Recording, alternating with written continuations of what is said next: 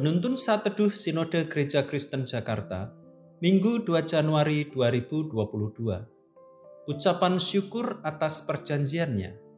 Lukas 22 ayat 14 sampai 22. Ketika tiba saatnya Yesus duduk makan bersama-sama dengan rasul-rasulnya, katanya kepada mereka, Aku sangat rindu makan Paskah ini bersama-sama dengan kamu sebelum aku menderita. Sebab aku berkata kepadamu, aku tidak akan memakannya lagi sampai ia beroleh kegenapannya dalam kerajaan Allah.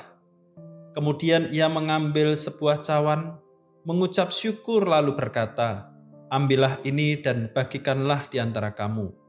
Sebab aku berkata kepada kamu, mulai dari sekarang ini, aku tidak akan minum lagi hasil pokok anggur sampai kerajaan Allah telah datang.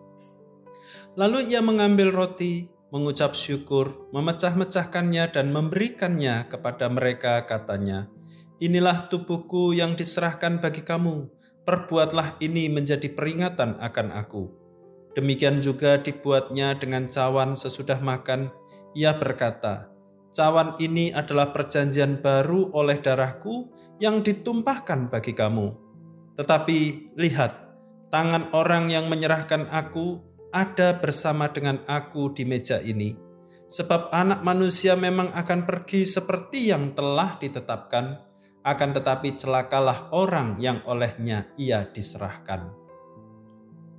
Ketika memasuki tahun 2022, mungkin banyak hal yang menjadi kegelisahan kekhawatiran dan kecemasan bagi kita untuk menjalani sepanjang tahun ini.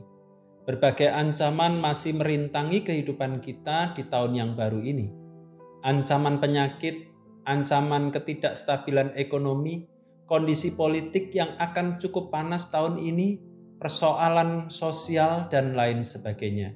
Kita perlu dasar yang teguh dalam menjalani tahun ini dasar yang membuat sukacita dan ucapan syukur kita menjadi teguh tidak dihancurkan oleh persoalan hidup dan tantangan zaman.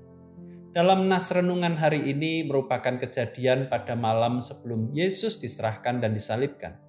Tuhan Yesus menetapkan sakramen perjamuan kudus. Tuhan Yesus mengambil cawan dan roti dan mengucap syukur atasnya. Yesus mengatakan, "Inilah tubuhku yang diserahkan bagimu, Cawan yang berisi anggur itu merupakan darah perjanjian yang ditumpahkan bagi kamu. Yesus akan mengalami kesengsaraan untuk menebus dosa manusia.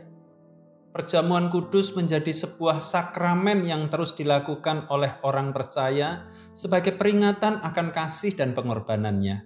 Dan Tuhan Yesus mengucap syukur atas peringatan itu. Artinya, dia mengucap syukur atas kematiannya bagi umatnya.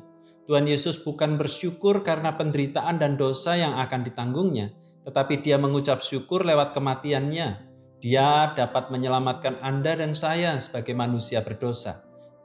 Lewat kematiannya, perjanjian Allah dapat diikatkan dengan umatnya untuk sampai selama-lamanya.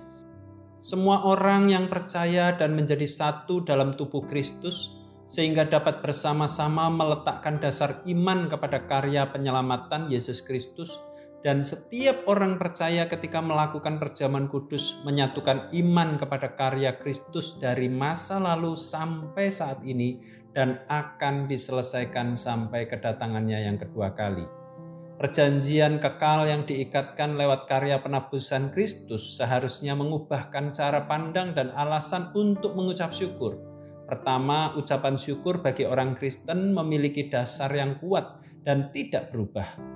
Berdasarkan karya Kristus, bukan manusia. Kedua, ucapan syukur tidak lagi diletakkan pada kondisi yang baik saja, tetapi dalam segala situasi dan kondisi, seperti Kristus yang mengucap syukur walaupun akan menghadapi penolakan, penderitaan, dan maut. Ketiga, ucapan syukur terbesar orang percaya adalah memiliki Kristus yang mengasihi dan menebus dirinya sebagai manusia berdosa. Kasihnya kekal, kasihnya sempurna. Saudara, meskipun dunia terkadang begitu kejam dan begitu keras dengan kita, kasih Allah dalam Yesus Kristus tidak akan pernah berubah. Bersyukurlah dan jalanilah tahun ini dengan syukur yang diletakkan pada karya Kristus yang mengikatkan perjanjian kekal bagi kita. Perjanjian kekal adalah dasar teguh bagi rasa syukur kita dalam menghadapi ketidakpastian tahun 2022. Tuhan Yesus memberkati.